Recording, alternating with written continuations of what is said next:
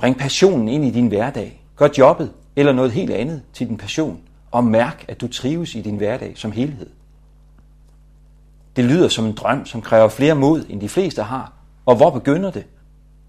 Hvordan finder man sin passion, og især mod til at leve passionen ud? Velkommen til Grifer podcast om alt det, der giver dig god arbejdsløst.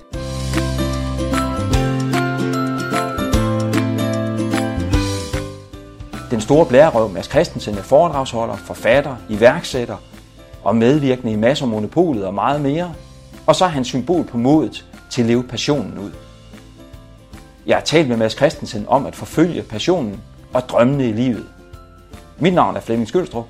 Jeg laver webinarer og kundeevents. Jeg podcaster meget mere om trivsel og inspiration til det gode arbejdsliv.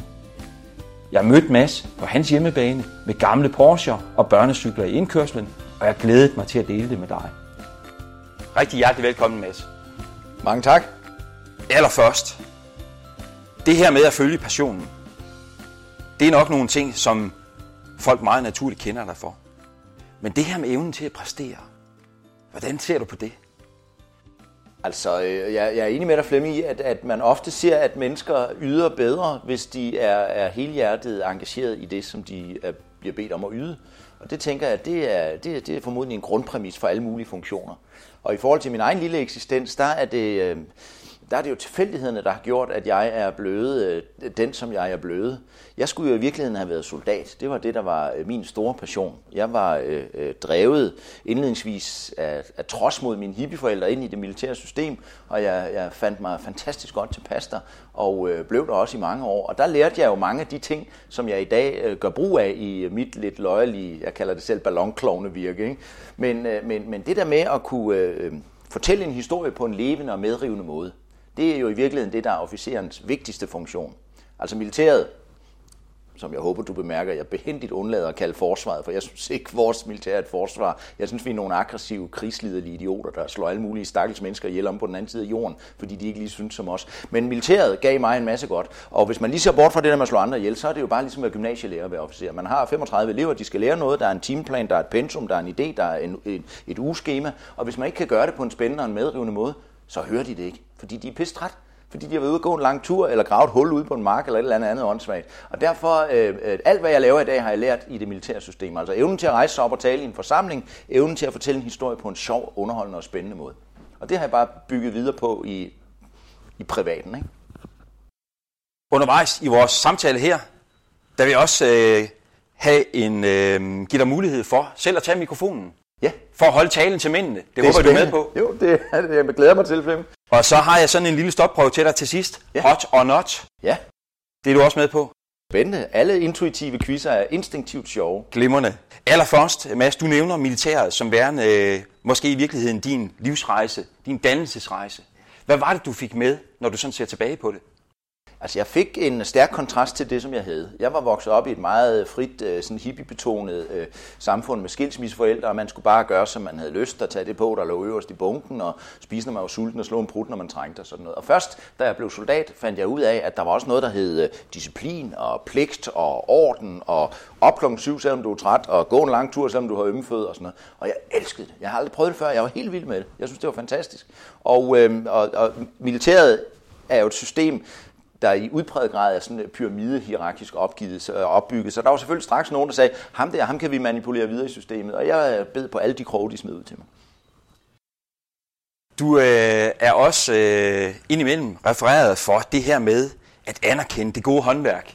Øh, jeg lægger mærke til nu her, når vi står over for, for hinanden lige nu, så, øh, så har du et ur på hver arm. Og øh, jeg tænker, at navnet måske rimer på Rolex. Ja, jeg har faktisk fire uger på, Flemming, for jeg har også mange chetknapper med indbygget uger. Men det er fordi, der er altid nogen, der råber, hey, har du to uger på, så jeg elsker at hive op i jakken og sige, niks, fire. Men det er rigtigt, jeg kan, godt lide, øh, jeg kan godt lide gode ting. I alle de år, hvor jeg lavede Euroman, der var det jo min funktion at tage ud i verden og besøge fabrikkerne, hvor man lavede de lækreste ting, og så skrive om det. Og dengang var det sådan, jeg ved ikke om det stadigvæk er, men dengang var det sådan, at hvis, øh, hvis producenterne af eksklusive mærkevarer fløj modens repræsentanter ind på første klasse, hentede dem i limousiner, indkvarterede dem på de dyreste hoteller, satte dem på forreste række ved siden af supermodellerne, lavede små goodie bags med personlige håndskrevne hilsner på deres hovedpude, når de kom hjem til Alt sådan noget. Så troede de, man skrev pæne om deres ting. Og det gjorde man selvfølgelig også. Der er ingen grund til at stå her og give noget forblommet slud om pressens integritet, for det ved vi godt alle sammen, det er løvn. Og, øh, og det gjorde, at jeg fik adgang til en masse universer og fik set og oplevet en masse ting, som sådan en arbejderklasse-dreng, som jeg ellers aldrig ville få adgang til. Og der gik det op for mig gradvis, at modeindustrien er en fusker. Det er løgn.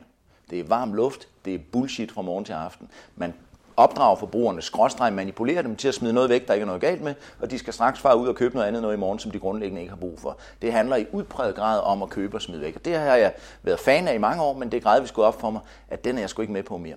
Og undervejs i den rejse fandt jeg ud af, at i stedet for at have 50 par elendige sko, som hele tiden skifter form og farve, fordi en eller anden bøsse nede i Italien siger, sådan skal det være, så vil jeg selv bestemme.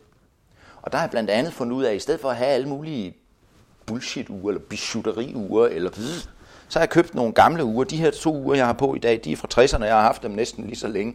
Og dem øh, har jeg tænkt mig at gå med indtil jeg dør. Og når jeg dør, så skal mine to drenge have dem. Og på den måde er et Rolex-ur jo ikke ekstravagant. I virkeligheden er et Rolex-ur det billigste ur, du overhovedet kan få.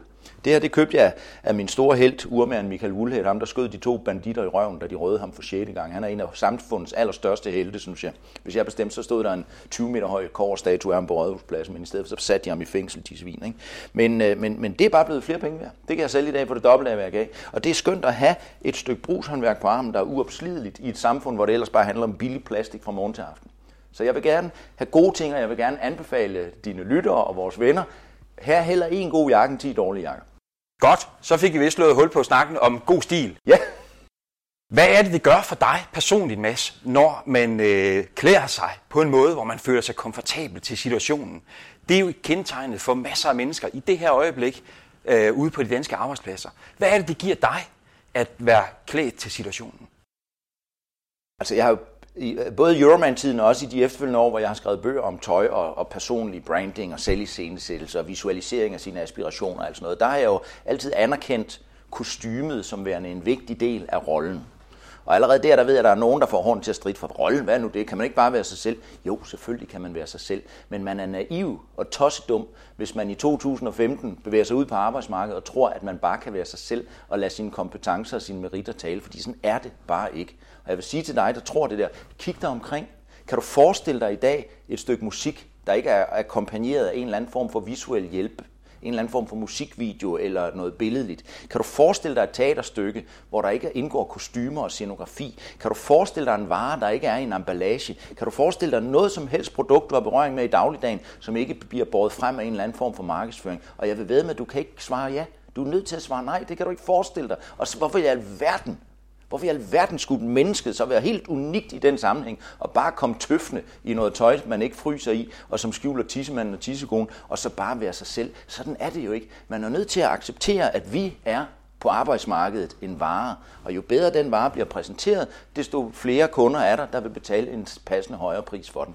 Og tøjet er ikke Alfa Romeo i det her. Man kan ikke bare komme vaden ind og se pisse smart ud og så regne med, at alle falder om kul af besvimelse over det. Men man er nødt til at anerkende, at den visualisering af sig selv som menneske og som funktion og som arbejdskraft og som kompetence og som gave til den pågældende virksomhed er en del af det at komme og være en samlet holistisk pakke. Og det er fuldstændig naivt. Jeg bliver simpelthen så irriteret, når der nogen kommer, jamen tøj, det er jeg ligeglad med. Prøv at høre Mulle, så kan du lige så godt være ligeglad med ilt. Og det er vi jo ikke. Nej, det er vi da ikke, fordi så ender det skidt. Når du taler om det her med stil og den måde, vi klæder os på, så tænker jeg lidt, ja, men hvad nu med det byggeri, jeg gik forbi på vej herned til dig, Mads? Inde på den arbejdsplads, blandt de bygningshåndværkere. Hvis du stiller op der i din stilede jakke der, så øh, kommer du jo nok i menneskehænder. Kommer det med stil ikke lidt til kort? Jo, men det er jo derfor, det er så vidunderligt, fordi det der med stil og med, med at visualisere sig selv, er der jo ingen facitliste på. Der er nogle enkelte regler. Og nede på byggepladsen, der går det jo ikke at komme i kjolesæt. Der vil de jo kigge på en og tro, man er, man er, man er tryllekunstner eller tumpe. Ikke? Og, og, og derfor er man jo nødt til at forholde sig til sig selv og sin egen situation. Men jeg vil ved med, selv på den byggeplads, når du nu selv vælger at sætte tingene på spidsen, selv på den byggeplads, der er der nogle kulturer og nogle subkulturer, og der er et hierarki, og der er et uofficielt øh, øh sådan magtstruktursvæsen, og selvfølgelig har de deres arbejdstøj på, fordi det er en del af deres funktion. De skal have hjelm på, de skal have sikkerhedssko, de skal have det der tøj på, der kan holde til det arbejde, de laver. Men jeg vil ved med ude i skurvognen eller omklædningsrummet, når de kommer og går, der afkoder de alligevel lige hinanden. Og ham, der ser sådan ud, han er en anden en end ham, der ser sådan ud. Og det, der jo er så vidunderligt ved mennesket, det er, at vi ikke er ens. Selvom det danske samfund prøver at ensrette os og udligne os og rette os ind, så der er ingen forskel er på høj og lav og mand og kvinde, så er vi heldigvis stadigvæk, så længe det er lovligt, forskellige. Og det kan vi blandt andet synliggøre og eksponere via den måde, vi sætter vores egen scene. Og der er tøjet en skruetrækker, der er med til at dreje på en skrue, og det er pissespændende. Når man taler om det her med stil, så får man måske lidt den tanke, at det handler om overflade og iscenesættelse. Det er ikke sådan, jeg hører dig. Tværtimod så hører dig at jeg være optaget af, at iscenesættelsen den er knyttet til substans og indhold. Det er sådan, jeg har mødt dig tidligere, blandt andet ved et stort arrangement, som du lavede sammen med Krifa. Og jeg har lyst til at spørge i den sammenhæng, når du for eksempel sidder i Mass og Monopolet, så er det her med god stil jo også på spil. Øh, jeg lægger mærke til, at du faktisk er optaget af øh, forskellige former for familieværdier. Du er optaget af det her med, øh, hvordan vi omgås. God stil i måden, vi omgås mennesker imellem. Hvad er det? Jamen, jeg er, så, jeg er så glad for, at du bliver ved med at bruge ordet stil, for det er jo også et af mine bossord, et af mine yndlingsord. For jeg synes jo, at, at, at, at stil er en, en, en skygge, eller en farve, eller et filter, man kan lægge over hele sin livsanskuelse. Og, og, og, og, og for lige at starte med det, du selv startede med, så nytter det jo ikke noget, at man bare, du ved, køber et eller andet smart tøj, og så kommer man tøffen, og så tror man, at den hellige grav er velforvaret. Fordi sådan er det jo ikke. Det er jo, det er jo en del af mange forskellige ting. Det med tøjet er jo bare en lille bitte del af det. Men den måde, man ligesom vælger at agere, i den korte lånte tid, vi har på jorden, den har jo indflydelse på alt muligt, og det er jo fundamentalt i al filosofi og al religion, og nogen kalder det karma, og nogen kalder det andet. Nu står vi her og kalder det stil. Men altså sådan nogle helt grundlæggende, banale værdier i forhold til at opføre dig over for andre, på den måde, du ønsker, de skal opføre dig over for dig på. Det er sådan noget, som jeg tænker, det opfatter jeg som god stil. Og jeg vil øh, gerne selv øh, være eksponent for god stil, så i det omfang, hvor jeg kan, så gør jeg sådan nogle ting, som er, er, er, er unødige, og som måske opfattes som ekstraordinære eller ekstravagante, men som alligevel er med til lige at, at drysse den der oregano på pizzaen. Så jeg holder en dør for en kvinde, eller trækker en stol ud, eller venter lidt i køen, eller giver plads i trafikken, eller, eller hilser pænt øh, og, og, og siger dag til posten, og man kan sige, jamen hvad fanden får du ud af at sige dag til posten? Jamen jeg håber, posten bliver glad, fordi han møder også nogen, der ikke siger dag til posten. Og jeg har allerede startet dagen med en god lille hilsen, og, og det der med sådan nogle, de der små, bitte, ubetydelige gestus i hverdagen, jeg synes, de er med til at løfte hele den samlede civilisation. Og hvis vi alle sammen udelukkende har øje for vores egen næse, så misser vi de der små finesser. Du ved, der er der den der vidunderlige film, der hedder Mozart, der er sådan en diskussion om alle de der lag i musikken, hvor den der øh, øh, øh, konge fra Wien, som i virkeligheden ikke rigtig er musisk forstået, han, han kommer til at sige, at der er for mange noder. Jeg synes ikke, der kan være noder nok. Jo flere lag, der er i partituret, desto bedre. Jo flere underliggende instrumenter, jo flere elementer, der kommer ind i hverdagen, desto flere muligheder har man for at påvirke detaljen. Jeg forestiller mig selv som sådan en tekniker i et lydstudie, der står foran sådan en kæmpe equalizer, hvis du forestiller dig, med tusind knapper. Og der er mennesker, der vælger at benytte de der ganske få knapper. Og jeg tænker, brug da hele. Ligesom hvis du står ved et klaver, brug da det hele. Eller som tømmeren siger, brug hele saven. Lad være med at stå sådan, brug hele saven, når du nu har den. Alle de muligheder, der er. Alle de små skægge, ekstra lille, og det er jo lir og sex og satire og ironi og fis og alt muligt skægt og godt og spændende, som er med til, at enhver kedelig grå hverdag lige kan få det der drys af oregano oven på pizzaen. Og det er sådan noget, jeg elsker jeg. Så brug hele saven. Ja, hele brug hele saven. Ja, vi bruger det hele. Godt. Mads, når du taler om det her med, hvordan vi øh, bruger saven, hele værktøjskassen, hele ja. equalizeren, ja. hvis vi er i den branche, så øh, har jeg lyst til at spørge lidt ind til det her med respekten for det gode håndværk. Der er måske en tendens til at tale om uddannelse, som øh, bringer os videre i nye job, nye muligheder på arbejdsmarkedet. Men jeg ved, du er også optaget af det her med at give en respekt til rigtig mange forskellige typer af håndværk. Hvad er det, der har fået dig til at sætte ord på det i nogle sammenhæng? Altså, jeg er, jo, øh, jeg er jo ligesom sådan en tyrfægningstyr, du ved, hvor man øh, binder en stram snor om nosserne på den, og så sparker den ud i arenaen. Så bliver den jo hissig. Og, og jeg har også altid sådan metaforisk en stram snor om nosserne, for jeg bliver tit hissig over ting, der sker. Jeg kan ikke lade være med at, øh, at, at, at blive opslugt af det, der sker omkring mig. Og, øh, og, og, og jeg bliver for eksempel ofte, når du nu spørger til det, så bliver jeg hissig, når der er den der meget, meget ensporede snak i mediebilledet. Den kommer ind fra Christiansborg, som bliver ved med at snakke om videnssamfund, videnssamfund, videnssamfund. Og de trækker sådan en sky hen over det hele, hvor, hvor der bliver sådan en stemning om, at hvis ikke du går på universitetet, så er du bare en nobody. Ikke? For vi skal være videnssamfund, og alle skal på universitetet. Og, og, og vi ved jo godt, alle skal der ikke på universitetet. kommer der ikke noget som helst godt ud af. For det første så forflader vi universitetet og universitetets output, og for det andet så øger vi sådan en national hån mod dem, som i virkeligheden er livets salt, dem som står øh, med hænderne i materien. Og der synes jeg bare, at de sidste par år, der er kommet en omsaggribende øh, despekt omkring øh, dem, der passer deres ting almindelige mennesker, dem vi nogle gange i reklamebranchen håndligt kalder herre fru løv på det er jo for fanden dem, der er hele granitbasen, som det der Babelstårn står på. Altså dem, der passer deres arbejde, øh, står på en fabrik, eller står i en forretning, eller kører en lastbil, eller tør nogle gamle mennesker i røven, eller sådan noget. Der er ingen respekt omkring dem, og det ærger mig sådan. Nu har jeg tre børn i folkeskolen, og jeg hører utrolig meget brok omkring øh, folkeskolen, og det ærger mig sådan, at der ikke er større respekt omkring skolelærerne. Fordi hvis man så sådan øh, filosofisk på det, så er det jo det vigtigste job i hele samfundet. i dag. langt vigtigere end hende hele Tornings job. En almindelig skolelærer sidder på en af de moralsk aller, aller vigtigste funktioner i samfundet, for hun præger den næste generation, som skal bære i standarden og faklen videre. Og jeg vil ønske, at vi, at vi hyldede dem og ophøjede dem, og at vi, øh, at vi hilste høfligt på dem i køen ved købmanden og sendte dem et julekort. Men af en eller anden grund, så gør vi det ikke. Vi spytter efter dem. Det er et skodjob hvis du er for dum til uni, så kan du komme på lærersim, ikke? Og alle kan kraften, med at komme på uni, for de bliver ved med at sænke adgangskravene, fordi Helle siger, at alle skal på uni. Så man er jo totalt røv og nøgler i dag, hvis man er skolelærer. Det er simpelthen så ærgerligt. Og når jeg ser sådan en, en, ung mand på 19 år, der bakker en lastbil med en hænger ind igennem en port ind midt i byen og får stoppet trafikken og får læst sin veje, så tænker jeg, sikke en evne, sikke en kompetence, sikke en spændende intelligens, han er i besiddelse af. Men hylder vi ham? Nej, vi spytter efter ham. Det er et skodjob. Det vil vi hellere have nogle polakker til at tage. Vores politikere, dem der sidder der lige nu, de har systematisk foræret hele vores stolte håndværkstradition til brødrene mod øst. Og det er en hån. Det er en hån mod tømmerfaget og chaufførfaget, og det er ærgerligt for hotelbranchen, og det er synd for sygeplejerskerne, jeg bliver irriteret over det. Fordi hvad fanden er det for et samfund, vi skal have? Skal vi have 117 arbejdsløse arkitekter, der kan sidde livslang understøttelse i sofaen og fnyse håndeligt af håndens arbejde? De irriterer mig. De irriterer mig at blive ekspederet på Svendsen, når jeg går ind i en butik i København. De irriterer mig. Fordi hvad er der blevet af det der? For det vi, det vi oplever, det er, at en almindelig dansk pige, hun får at vide hele tiden, du er for fin til at stå i en butik. Og så gider hun ikke at stå i en butik, så synes hun, det er et skodjob. Og mens vi har 400.000 østarbejdere på overenskomstansættelse, så har vi mindst tilsvarende 400.000 overakademiserede, ubrugelige mennesker siddende i livets sofa, som jo er der, fordi de er blevet fyldt med løgn. De er blevet fyldt med løgn oppefra, de har fået at vide, hvis du bare går på uni, så bliver alt godt. Og det ved enhver jo, det er løgn. Man kan jo bare gå ind og læse dimittentstatistikkerne fra universiteterne. Halvdelen af teologerne kommer aldrig i arbejde. Halvdelen af arkitekterne kommer aldrig i arbejde. Halvdelen af litteraturkritikerne kommer aldrig i arbejde. Hvor mange djøffer skal vi have? Kom nu.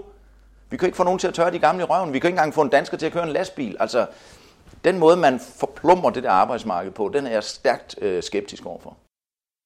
Jeg kan godt lide din anerkendelse til ham, der kan bakke den store lastbil helt til rampen. Jeg forestiller mig ikke, at du bruger bakgearet alt for ofte eller oftere end højst nødvendigt i øh, de køretøjer, du kører i. Men, men må jeg ikke lige anholde dig et øjeblik, Mads, på det her med, øh, øh med det her med opsamling af viden, efteruddannelse osv. Det lyder næsten som om, at du går på kompromis med det. Er du ikke interesseret i, at øh, dine egne børn at de møder veluddannede lærere i skolen? Jo, men jeg har intet imod, at lærerne skal være veluddannede. Det, jeg øh, har en anke imod, det er, at der ikke er større respekt omkring faget. Og at man jo ved, og, og i en national skala at presse flere og flere ind i de, i de meget fine høje uddannelser, så skaber man jo et akademisk efterslæb i alle de andre. Det betyder jo bare, at, at, at likstallet i skoleuddannelsen, skolelæreruddannelsen bliver lavere. Fordi dem, der vil være de dygtige på seminaret, de bliver nu de dumme på universitetet. Og dem, der var de dumme på seminaret, de bliver nu de gode på, på øh, øh, du, du ved, dem, der var de dumme, de bliver nu de gode på seminaret. Og på den måde skubber vi det hele den forkerte vej, fordi vi, vi kan ikke bruge alle dem, der så kommer middelmådet ud af universitetet. Dem har vi ingen ansættelse for. Men de er nu blevet påduttet den der idé om, at de er for fine til at være skolelærer. Og så kommer de til at sidde og er frustreret og bliver ked af det og ulykkelige og skal formodentlig på lykkepiller, fordi de ikke kan få et job inden for det, de er uddannet til. Og samtidig så har vi store problemer med at mønstre nogle fornuftige skolelærer. Og det er ærgerligt, og det gælder næsten alle brancher. Og man kan ikke få en elektriker, til at passe sit arbejde, fordi han har fået at vide, at han skal være, han skal være kan med i elektrik, eller, eller, eller du ved, man skal passe på, at man ikke overuddanner en hel befolkning til nogle positioner, man ikke har. Så respekt for efteruddannelsen, men ikke Ja, man skal, uden man, skal, man, sammenhæng. man, man skal dygtiggøre sig, men man skal ikke gøre det på bekostning af den ufaglærte arbejde, så spyt ham i ansigtet og kalder ham et skodjob. Det er simpelthen ikke værdigt, fordi han er i den store sammenhæng lige så vigtig som overlægeren. Og man er nødt til at, synes jeg, at have det der spændende, forskelligartede samfund. Og det er derfor, jeg altid reagerer så negativt, når der er nogen, der bliver ved med at snakke om ensretning. Og, og, og min egen oplevelse er, at normalitetsstien bliver smallere og smallere, der bliver lavere og lavere til loftet, vi bliver mere og mere ensrettet alle sammen, og der er mindre og mindre plads til alternativt tænkende. Det synes jeg er en, en, en tragedie på en national skala. Og jeg vil gerne have, at der var, at der var øh, en større respekt omkring de forskelligartede funktioner, der er i samfundet, i stedet for at vi alle sammen skal læfle for de der arbejdsløse, udulige akademikere, mens vi skal spytte efter slagteriarbejderne og flytte hans job til Tyskland. Det synes jeg er synd for alle. Så vil jeg gerne spørge lidt til, eller så vil jeg gerne tale lidt med dig om, det her med passionen for de ting, som vi beskæftiger os med. Du har selv skabt et job, du har faktisk skabt en virksomhed. Det leder mig hen til at øh, spørge til det her med modet til at forfølge sine drømme.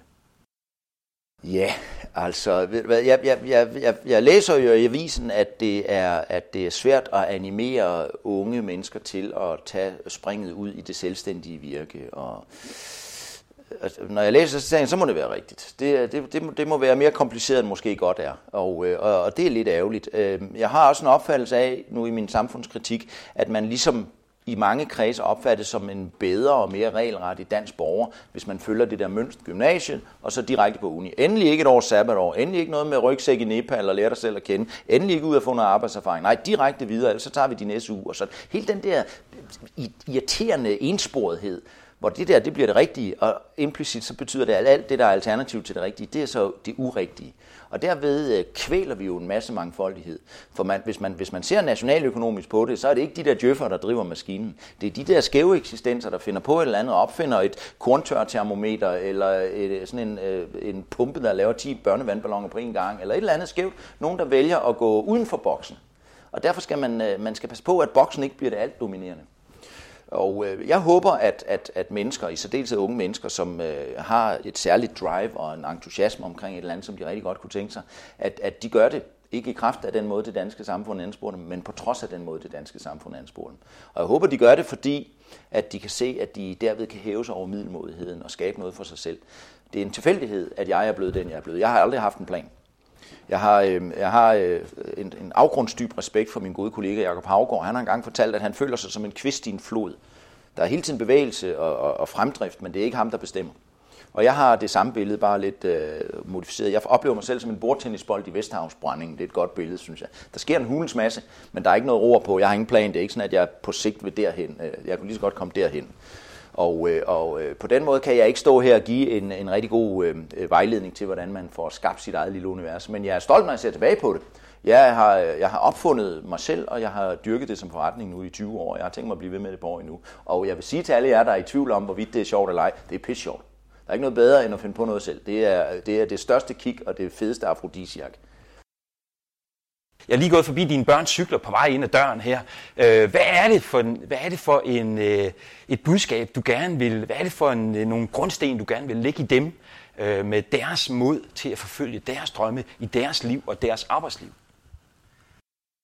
Altså, jeg, øh, øh, jeg, vil, nej, jeg vil ikke sige, at jeg er bekymret for mine børns fremtid. Det er jeg ikke, men, men jeg er forventningsfuld med en let skælven til mine børns fremtid.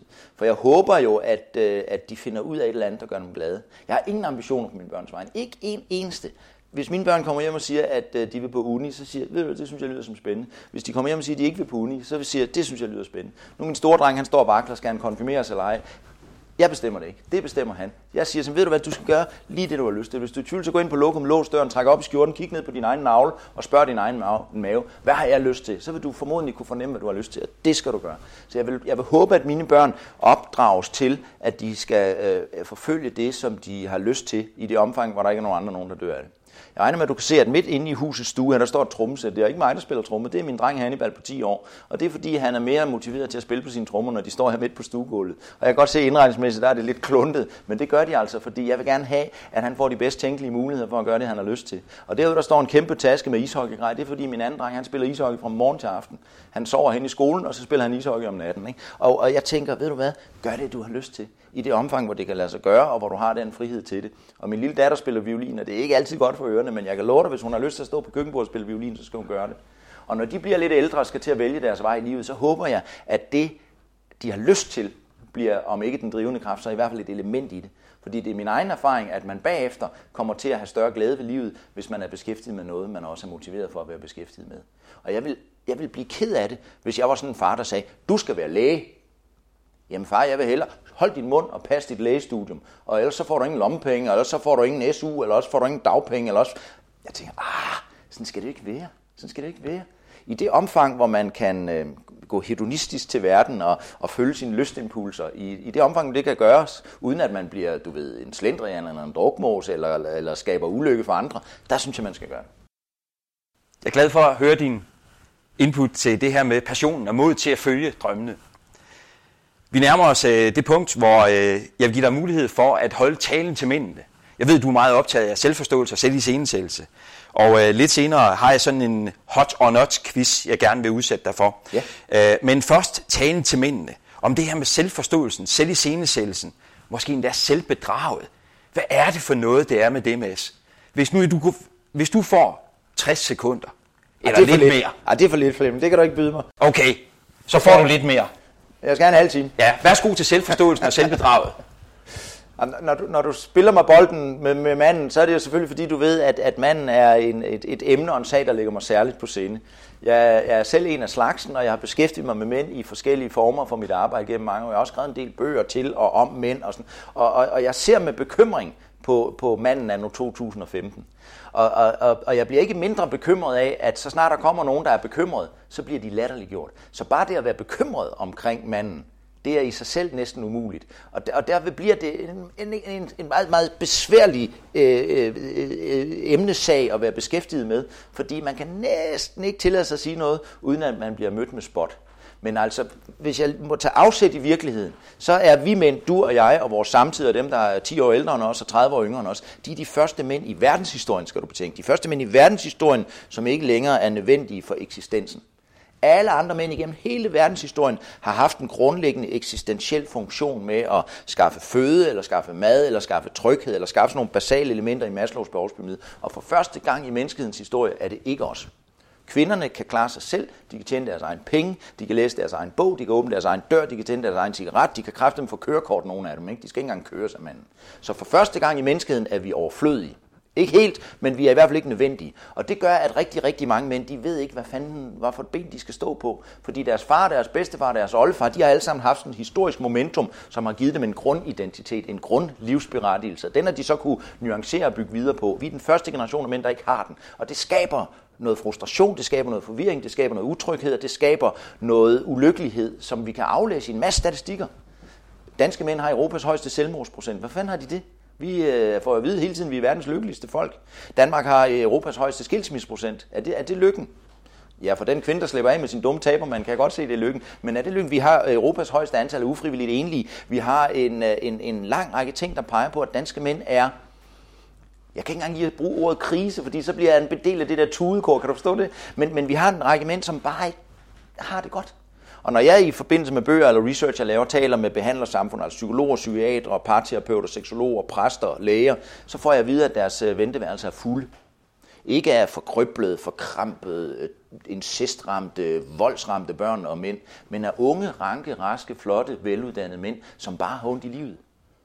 En gang om ugen kan du læse i Ekstrabladet om en eller anden mand, der brænder sammen i en fuldstændig irrationel vrede og skærer hovedet af sin kone og sætter ild til sine børn og prøver at skyde sig selv i hovedet med en salonrifle, hvor man tænker, hvad fanden er det for noget, der kan drive ham helt derud? Og der har jeg, der har jeg, jeg kan ikke engang sige ondt, for det har jeg heller ikke, men jeg nærer den største øh, bekymring for visse parter af den moderne mand, som ikke ved, hvad vil det sige at være mand? Og han vokser op i et stærkt hjem med en stærk mor, der hele tiden bestemmer. Halvdelen af, dem, halvdelen af mændene i vores generation har slet ikke haft nogen far. De har der har haft en far, haft et skvat i fløjlsbuks, der har siddet og spillet guitar og sagt undskyld hele tiden. Ikke? Han kommer hen i en børnehave, hvor han bliver opdraget af kvinder til kvindagtighed. I vuggestuen, i dagplejen, kvinder, kvinder, kvinder. Han kommer i en skole, som i udbredt grad er drevet af kvinder på kvinders præmisser. Han møder stærke, veluddannede kvinder hele vejen op igennem sit liv, som hele tiden sætter sig på ham, fordi det har de fået at vide af deres stærke mor, det skal de gøre. Og hvis ikke han etablerer en eller anden form for modtryk, så bliver han en dørmål. Og ved du hvad, jeg har nogle gange stjålet et citat fra Lone Kylman. Hun sagde det i 60'erne, da det var relevant for det modsatte køn. Der sagde hun, kvinde, hvis du lægger dig foran en dør og siger som en dørmåtte, så er det bare et spørgsmål om tid, før der kommer en mand og tør fødderne af i dig. Og jeg siger det modsatte i dag, fordi mange mænd de vælger at være dørmåtten, fordi de har aldrig hørt deres far sige nej. Og de har aldrig prøvet selv at sige nej, og de ved ikke, hvor vigtigt det er at sige nej, fordi de vokser op i et samfund, hvor man får at vide, at man skal gå og sige ja hele tiden. Men jeg siger altid til mænd, sig nej, sig fra, stop op, sæt hælene i jorden, byg en mur omkring dig selv og sig, det her det er min ære, det er min integritet, det er min selvstændighed, det er det sted, hvor jeg står. Og hvis nogen angriber det, så forsvarer jeg det af princip. Men jeg hører kraftet med Flemming i masser af monopolet igen og igen, sådan nogle mænd, der bare giver op. Ja, jeg har jo altid været på skiferie med drengene, men min nye kæreste synes, det er en dårlig idé. Hvad synes I? Hvad synes I? Du skal da bare sige til hende, hun skal holde sin kæft. Du skal da på den skiferie. Du skal da også være her. Ja, men jeg har altid haft en motorcykel, men min kone synes, det er en dårlig idé. Hvad synes du? Hvad synes jeg? Jeg synes at du skal have en motorcykel. Og jeg ser mange af de der mænd, der bliver pillet af og bliver pillet ned, og de har ingenting, der driver dem. Og når jeg spørger dem, hvad, hvad, hvad, hvad elsker du? Ja, jeg elsker mit arbejde. Hold nu kæft, mand. Hvad elsker du? Ja, jeg elsker mit... Hold nu op med det der. Hvad elsker du? Hvad sætter dig i flammer? Ja, jeg spillede en gang håndbold, men min kone synes, det var en dårlig idé. Kom nu, altså, hvis du, er en, hvis du er en mand, så skal du tænke på dig selv. Det er vigtigt at tænke på sig selv. Man får hele tiden at vide, at man skal tænke på alle mulige andre, det skal man også. Men det her, det er fuldstændig ligesom inde i flyvemaskinen. Når de der iltmasker kommer ned, så vil du være drevet til at begynde at hjælpe hende ved siden af, eller dine børn, men det er forkert.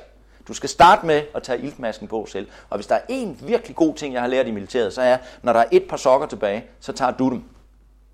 Fordi når du har rene tørre fødder, så har du mere overskud til at være noget for andre og hjælpe nogle andre. Og jeg har så ondt af de der mænd, der offrer og offrer og giver og giver, og til sidst så står de med ryggen mod muren og har fundet ud af, at de er en hul, grå skal, der er intet indeni.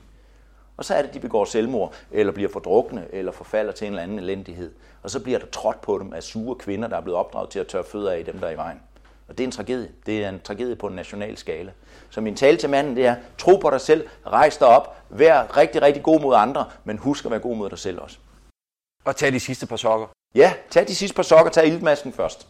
Der er ikke noget forkert i at tænke på sig selv. Vi nærmer os et sidste afsluttende punkt, som jeg slet ikke har fortalt dig om endnu, Mads. Det handler nemlig om passionen, men allerførst, så kommer stopprøven til dig. Hot or not. Kom med den. Er du klar? Yep. High five eller håndtryk? Håndtryk. Hvert indegave eller en kæk tak for i går? Hvert indegave. Selviscenesættelse eller selvforståelse? Begge dele. Kan man, må jeg svare det? Begge dele. Du kan ikke have det ene uden det andet, og du kan ikke have det andet uden det ene. De ting hænger sammen. Sneakers eller laksko? Laksko. Analog ur eller digital? Analog. Ja, det var nemt. Offentlig transport eller privatbilisme? Røv og nøgler. Offentlig transport er for dem, der ikke har noget alternativ. Man er nødt til at have en bil. Hvis man ikke har en bil, så er man øh, begrænset i alle sine udtryks- og udfoldelsesmuligheder. Bilen er grundlaget for al den frihed, vi snakker om. Ytringsfrihed, seksuel frihed, øh, øh, religionsfrihed, arbejdsmarkeds fri bevægelighed, varenes mobilitet. Alt står og falder med bilen. Hurra for bilen. Bilen er et råb om frihed i en kvindedomineret verden, der vil have den fjernet. Glem de der busser. Det kommer ikke til at ske. Det er kun for folk, der ikke har noget alternativ. Tak for det. Vi er fremme ved det sidste punkt. Passionen. Jeg gik forbi en rød bil Ja, med et Porsche-logo på. ja. Skal vi gå ud og tage et lille kig på den til allersidst? ja, det kunne da være hyggeligt.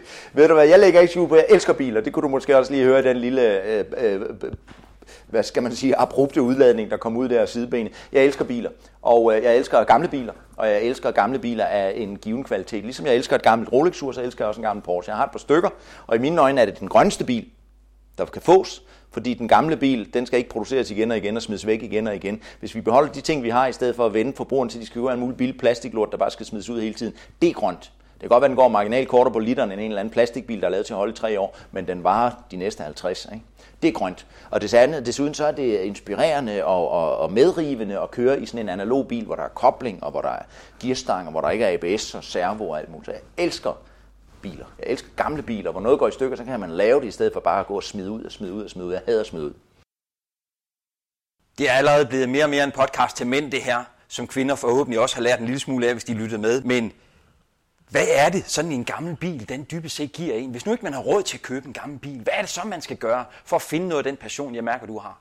Jamen, jeg jeg vil godt parallelisere det med uret, fordi at, at, at formodentlig alle dine lyttere, hvis man siger, jamen øh, Rolex-ur, så vil alle straks reagere med en fornemmelse af, at det er meget ekstravagant, og det lyder meget dyrt. Men virkeligheden er jo, at, øh, at, at, at det er et spørgsmål om mellemfinansiering. Rigtig mange mennesker har jo et tagligt ur til 500 kroner, de slider det op og smider det ud, så får de et andet tagligt ur til 500 kroner op, de smider det op og slider det ud, og deres skraldespand fyldes op med de der elendige produkter, der udelukkende er lavet til at blive smidt ud. Hvis man en gang køber et ordentligt ur, så vil man opleve, at der er andre, der også gerne vil have det, og formodentlig vil det stige værdi, ligesom de her ure stiger værdi. Det samme sker med sådan en bil. Det man glemmer, når man snakker om, hvor dyrt eller hvor fornuftigt det er en bil, det er det der meget interessante, som hedder TCO, Total Cost of Ownership. Og når du regner det hele sammen, bilen du betaler, eller prisen du betaler for bilen, når du får den, og den pris du får for den, når du sælger den igen, og hvad det har kostet i den mellemfaldende periode at drive den, så vil du opdage, at en Porsche ikke er ekstravagant. Så vil du opdage, at sådan en gammel Porsche, det er den billigste bil, du nogensinde har haft. Det er også den fedeste formodentlig, hvis du kan lide det, men det er i hvert fald den billigste. Her i det her postnummer, hvor jeg bor, der opfattes det som fornuftigt at have en sort Audi A6. Det har hver anden husstand her hen ad vejen. Og de opfatter det alle sammen som fornuftigt. Det er trygt og sikkert, og det er det pæne, ordentlige, fornuftige valg. Men virkeligheden er, når vi mødes om 10 år, og deres bil er værdiløs, og den har haft en afskrivningskur, der næsten er en lodret streg, der kører direkte ned i kloakken, så vil de finde ud af, at total cost of ownership, af, det var ikke så godt. Jeg kommer i min gamle Porsche, og den stiger støtter rolig værdi. Om 10 år, der kommer der en kineser og kører den for det dobbelte af, hvad jeg har givet for den. Det er kraftet man er en billig bil. Det er en gratis bil. Vil du have en gratis bil? Må jeg se, at nogen der vil have og række hånden op? Er der nogen her, der gerne vil have en gratis bil? Vil du køre rundt i en Porsche gratis, så ræk hånden op. Og fri mig for det der bullshit. Det er ikke en billig bil at købe en Folkevogn up. Det er den dyreste bil, du nogensinde kommer til at have. For den er lavet af gylde, og den er lavet til at holde tre år. Du smider den ud, og du får ingen krone for den. Det er ikke en billig bil. Du bliver snydt. Reklamebranchen tager røven på dig. Du skal ikke have en Folkevogn up. Du skal helst slet ikke have en Chevrolet Spark. Vel? Og hvis der er nogen, der kører ind i det, så bliver du knust som en cola-dåse. Dine børn bliver til fars ombag i. Det er en dårlig bil. Lad være med at købe en dårlig bil. Vil du have en gammel Porsche gratis? Må jeg se hænderne? Ja. Så jeg hørte argumentet om at øh, finde noget, som man er fascineret af, og dyrke det. Og øh, jeg hørte også, at jeg var en del af det, der handlede om det her med biler og Porsche. Det... ja, det er min lille passion. Ikke? Man skal ikke have en gammel Porsche, fordi man er, man er revisor og kan se en idé i det. Men hvor er det dog vidunderligt, at hvis man køber et ordentligt produkt, det gælder også på sko, hvis man køber et ordentligt produkt, så har man større glæde ved det i hverdagen, når man har givet nogle penge for det, så passer man også bedre på det. Så plejer man det, pusser dem, sætter en læst i går kun i den hver anden dag. Og så opdager man, så bliver det en selvopfyldende profeti, så opdager man, gud, de gode, de sko, de holder meget længere end de billige sko, jeg plejer at købe. Lad være med at købe alle mulige billige lort, der bare er lavet til at blive smidt ud. Det er ikke i nogens interesse, det er i hvert fald ikke grønt. Tak. Tak selv. Tak fordi jeg måtte være med.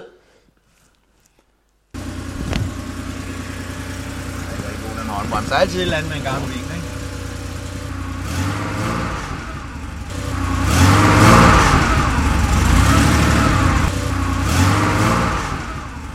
Hvad er din passion i livet? I dit arbejdsliv? Har du fundet mod til at følge drømmene? Er det gamle Porsche, eller gode sko, eller noget helt tredje? Brug din mulighed for at vælge. Gør noget ud af dig selv og dyrk dine relationer. Er det længe siden, du har tilladt dig selv at standse op og tvivle? Ja, så husk opfordringen fra Mads til at lukke dig ind på toilettet og kigge på navlen, til du har den rette mavefornemmelse. Eller er der kun i Krifa, så ring til Krifas job- og karriererådgiver og få en samtale om, hvordan du kommer godt videre i dit arbejdsliv. Kig ind på godarbejdsløst.dk og find meget mere inspiration til dit arbejdsliv. Tak fordi du lyttede med.